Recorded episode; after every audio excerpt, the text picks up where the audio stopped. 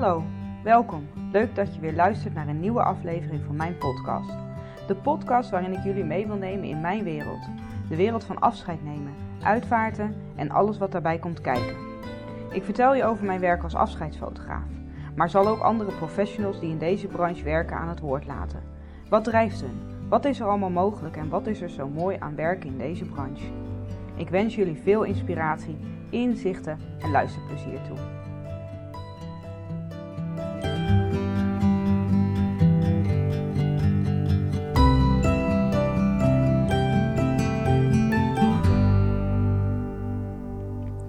Goedemorgen, goedemiddag of goedenavond, wanneer je dit ook luistert. Uh, welkom weer bij een nieuwe podcast. En uh, waar ik vandaag mee wil beginnen, is jullie te bedanken voor uh, dat je luistert. Want ehm, ja, hoe leuk ik het ook vind om in de microfoon te kletsen, ehm, nog leuker is het om eh, ja, ook daadwerkelijk luisteraars te hebben die ja, hierop zitten te wachten. En ik krijg superleuke reacties en uh, ja, daar ben ik heel erg blij om. Dus, uh, dus dank je wel dat je hier bent. Um, het is vandaag 6 eh, mei 2020. En ja, normaal gesproken benoem ik de datum niet als ik een podcast opneem. Maar in dit geval ja, vind ik het wel belangrijk.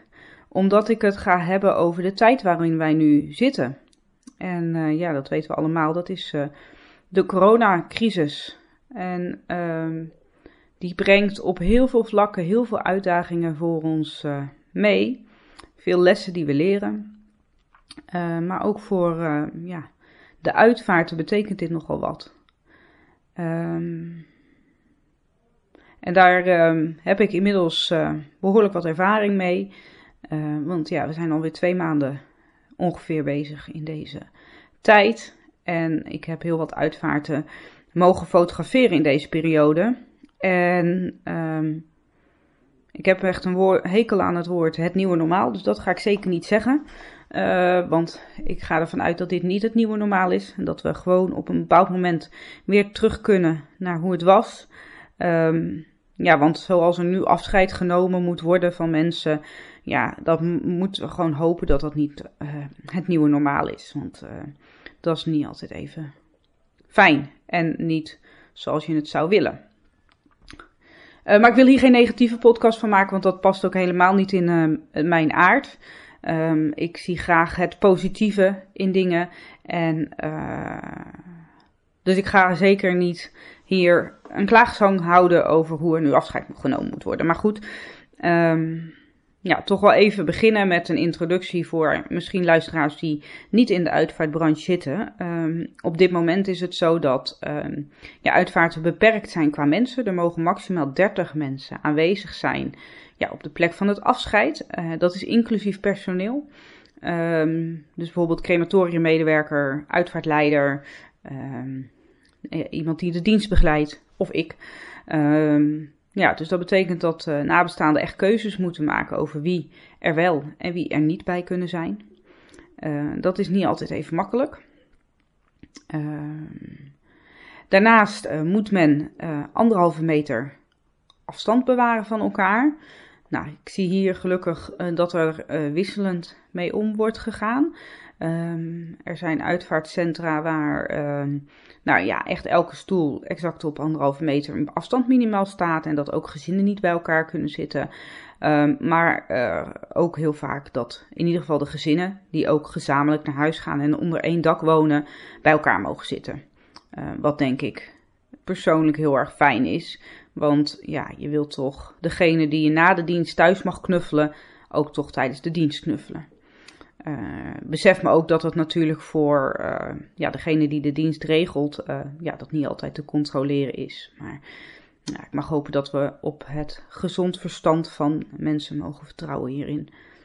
Um, een belangrijk verschil is ook dat het beperkt is tot een dienst. Dus dat er geen nazit is, geen condeolance, geen ja, napraten onder het genot van een hapje of een drankje. Um, dus het is echt, ja, na de dienst gaat ieder weer zijn eigen weg. Um, ja. Dus ehm, ja, dat zijn eigenlijk een beetje de, de veranderingen waar je nu mee te maken hebt. Ehm, en dat zorgt ervoor dat het natuurlijk ja, ook weer wat anders vraagt van uitvaartleiders. En, en daar zie ik dus hele mooie dingen gebeuren. Want ja, je gaat op zoek naar alternatieven.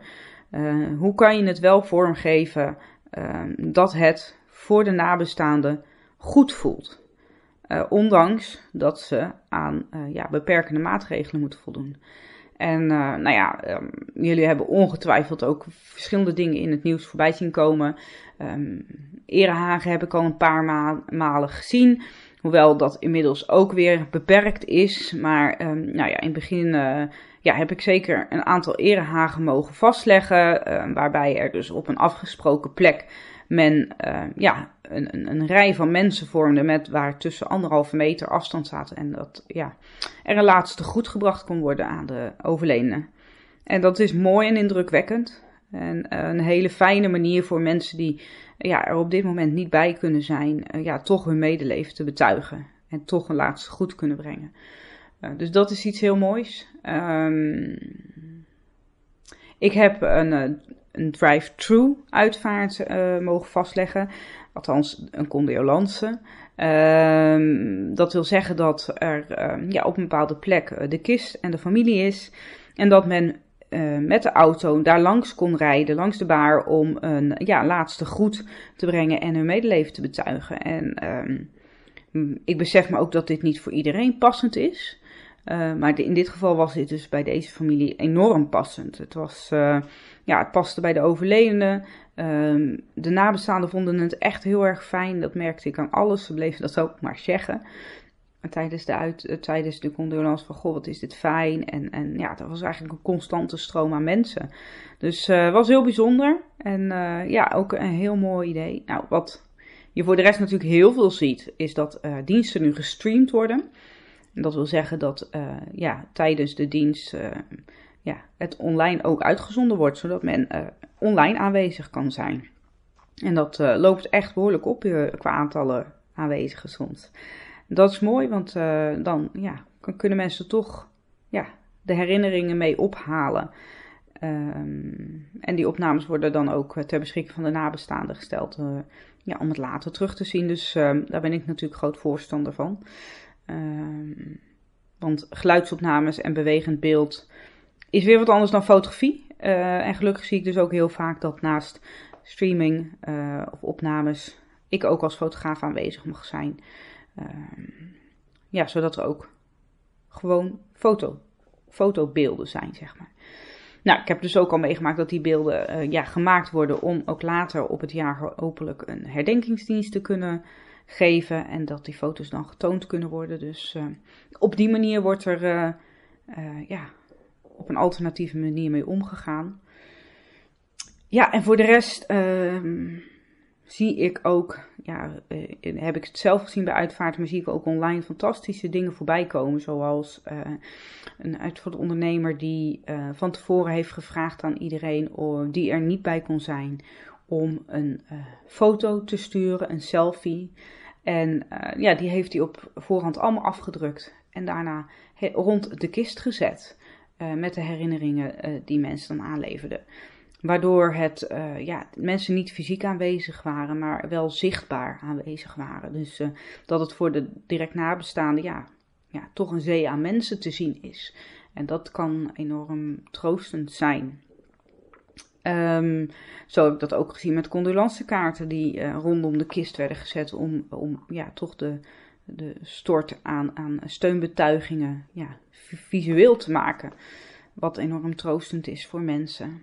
En uh, ja, dat zijn eventjes uh, de dingen die mij nu te binnen schieten. Maar wat, wat ik daarmee wil zeggen is um, dat het... Um, ondanks de rare tijd waarin we ons bevinden en uh, we het tijdelijk anders moeten doen dan uh, dat we zouden willen, uh, dat ik enorm veel veerkracht zie en, en, en flexibiliteit. En niet alleen bij uitvaartleiders, maar ook bij nabestaanden. want je zal er maar mee geconfronteerd worden. In mijn vorige podcast heb ik natuurlijk verteld over het afscheid van mijn schoonvader. Uh, dat was net voor de coronatijd. Wij waren nog niet aan uh, beperkingen onderhevig. Ehm, en soms denk ik er wel eens aan van ja, hoe hadden we het dan nu gedaan? Welke keuzes hadden we dan gemaakt? En ehm, ja, ik denk dat we daar ook uitgekomen waren, gezien wat ik in de praktijk ook zie gebeuren. Mensen hebben er ja, vrede mee. Dat klinkt dan weer alsof het allemaal maar oké is, want dat is natuurlijk niet op elk niveau oké. Ehm, maar dat ze er toch zo vorm weten te geven dat ze er met een goed gevoel op terug kunnen kijken. En ik zie ook de veerkracht en de flexibiliteit bij de uitvaartleiders. Want die, ja, uh, dat gaf ik heb ik net niet verteld, maar ook uh, aannamegesprekken uh, moeten veelal telefonisch plaatsvinden. Of dat is eigenlijk het advies. En dus daar waar je normaal gesproken naar een familie toe gaat en om de keukentafel zit met een groep mensen, iedereen in de ogen kan kijken en, en kan aanvoelen wat er speelt, wat men wilt, uh, ja, moet je dat nu ineens uh, over de telefoon of via Skype of iets dergelijks doen. En uh, ja, dat is echt wel anders. En ehm, ook je fysieke aanwezigheid op de dag zelf, ja, die, daar moet anderhalve meter tussen zitten. En uh, dat is niet altijd makkelijk. Uh, soms wil je gewoon een hand op iemands schouder leggen uh, om, om ja, je, je troost ja, mee te geven. En, en dat, dat, dat mag op dit moment niet. En ik zie dat dat ja, niet in de koude kleren gaat zitten bij uitvaartondernemers. we hebben al, ja, ik heb al meerdere malen na een afscheid ja, een traantje weggepikt met uitvaartondernemers, omdat het zo tegennatuurlijk voelt wat we nu aan het doen zijn. Ik bedoel, mensen hebben gewoon simpelweg huidhonger. En zeker op een, moment dat je zoveel verdriet hebt, um, dan voelt het gewoon tegennatuurlijk dat je daar niet fysiek ook troostend uh, aanwezig kan zijn. En dat is moeilijk.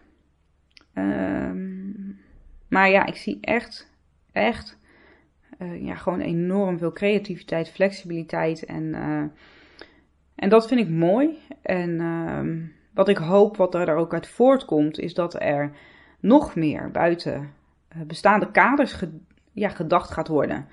Uh, nu worden we daartoe gedwongen. En, natuurlijk niet alleen op het gebied van uitvaarten. Hè, want deze lijn kunnen we natuurlijk doortrekken naar alles wat er speelt in de samenleving. Denk aan school, lesgeven, aan hoe werken we, reizen. Uh, kunnen we dingen ook digitaal doen met elkaar. Um, en daarin komt in heel veel dingen nu een versnelling, omdat we gedwongen worden om het anders te doen. En, en dat vind ik een, een positief punt aan deze periode, is dat je, dat je in de spiegel gaat kijken en, en, en dat we gewoon dingen nu even anders moeten doen. En uh, dat daardoor uh, ja, dingen toch wellicht sneller gaan veranderen. En ik hoop ook in de uitvaartbranche, want ja, het, het, het geëikte plaatje, dat hoeft allemaal niet per se. Er is zoveel mogelijk qua locaties, qua rituelen, qua, nou ja, noem het maar op. En um, ja, ik hoop dat, dat, uh, dat, dat dit dan daar in ieder geval een positief steentje aan bijdraagt. Dat we hierin toch andere dingen gaan doen. Uh, en nogmaals, er is ook niks mis natuurlijk met het standaard riedeltje. Um, want dat is ook voor heel veel mensen gewoon prima passend. Um, maar ik weet ook zeker dat er een hoop mensen het misschien wel anders zouden willen, maar niet weten dat het anders kan. Uh, ja, en dat kan hier uh, misschien aan bijdragen. Ja, dat is eigenlijk wat ik uh, wilde vertellen over deze periode. Misschien ehm, nog wel fijn om even af te sluiten met hoe het mij persoonlijk vergaat in deze periode en in mijn vak. Um, ik ervaar een beetje hetzelfde als wat uitvaartleiders ervaren. Um, de fysieke afstand tot nabestaanden is uh, groter. En het is heus niet zo dat ik uh, voor de corona iedereen om de hals vloog en uh, plat knuffelde, zeker niet. Um, dat deed ik als het passend was of als mensen daar behoefte aan hadden. Dus wat dat betreft ging ik daar intuïtief mee om. Um, alleen ik merk wel dat ik, um, ja, diensten zijn korter, zijn soms soberder. Uh, er is veel meer fysieke afstand tussen mensen. En dat maakt dat ik ook anders moet fotograferen. Uh, daar waar je normaal gesproken ja, vrij makkelijk uh, die troost kon vastleggen, omdat er heel veel knuffels waren, veel fysieke aanrakingen, is dat er nu niet. Dus nu moet je het veelal hebben van een blik die wordt uitgewisseld of uh, nou ja, de, de, de, de, nieuwe rituelen die worden uitgevoerd. Um, dus dat maakt dat het op dit moment wel um, ja, creatievere uitdaging is voor mij om um, ja, toch een mooie, troostende reportage af te leveren voor nabestaanden. En dat lukt altijd. Um, en uh, vind ik een, uh, een fijne uitdaging. Um, maar ja, het is, uh, het is veelal kleiner, korter en, nou ja, wat ik zeg, creatiever, een grotere uitdaging. maar wat ik wel zie is dat er nu toch iets vaker wordt gekozen voor fotografie. Wat ik heel mooi vind om te zien is dat er uitvaartleiders dit nu standaard aanbieden. Uh, en daar zelfs een gedeelte van de kosten dragen. Uh, om ja, zeg maar cadeau te doen aan mensen. Om ze ja, toch extra van dienst te zijn in deze periode. Um, dus dat is mooi en daarin zie ik dus ook een versnelling, want er kiezen nu soms ook mensen voor afscheidsfotografie die dat misschien niet hadden gedaan als ze de kosten volledig zelf hadden moeten dragen. En dat vind ik een mooie beweging, want daarmee kan ik dus een uh, ja, groep mensen aanboren uh, en, en laten zien en laten ervaren wat ik voor ze kan betekenen. En dat is voor mij van grote waarde. Um, het zorgt ook voor veel exposure. Dat, um, ja, ik heb een item voor brandpunten mogen maken van Caro. Um, heel mooi item. Um, inmiddels uh, ook in lokale nieuwsbladen uh, gekomen. Uh, de Telegraaf heeft mij geïnterviewd. Het, het stuk moet nog online komen. Dus um, ja, dat is fijn voor afscheidsfotografie in zijn algemeenheid. omdat ik wel geloof dat door deze coronacrisis het taboe op het laten vastleggen van een uitvaart ja, toch echt sneller doorbroken gaat worden. Dus ook daarin zie ik een, uh, zie ik een lichtpuntje voor afscheidsfotografie. En dat, uh, nou ja, aangezien dat mijn missie is uh, dat ja, afscheidsfotografie ja, standaard wordt besproken. En dat men ook het juiste beeld heeft van wat afscheidsfotografie is. Ehm, ja, daar zie ik nu een versnelling in komen. Dus, ehm, nou, lijkt mij een heel positief stukje deze toch wel rare en bizarre tijd. Uh, nogmaals, ik zei ook, ik wilde geen rant erover maken dat uh, het allemaal nu kommer en kwel is. Uh, ik wil het ook niet goed praten of, of mooier maken dan dat het is. Ehm, maar ik wil wel nou, er vooral bewust van zijn dat het mooie dingen brengt. Dus, nou ja, dankjewel voor het luisteren.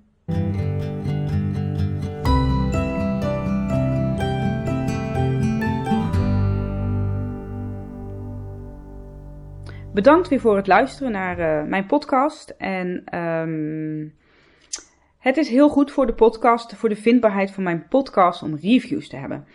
En ik heb er hier nog niet eerder om gevraagd, uh, maar ga ik nu wel doen. Want um, ja, ik zou het heel fijn vinden als mijn boodschap en het uh, taboe doorbrekend zijn op het gebied van uitvaarten en afscheid en rouw en verlies nou ja, dat we daar nog meer terrein op, uh, op winnen. En uh, ik denk dat mijn podcast daarbij kan bijdragen. Dus, als je zo lief wil zijn uh, om een review achter te laten, dan ben ik je eeuwig dankbaar.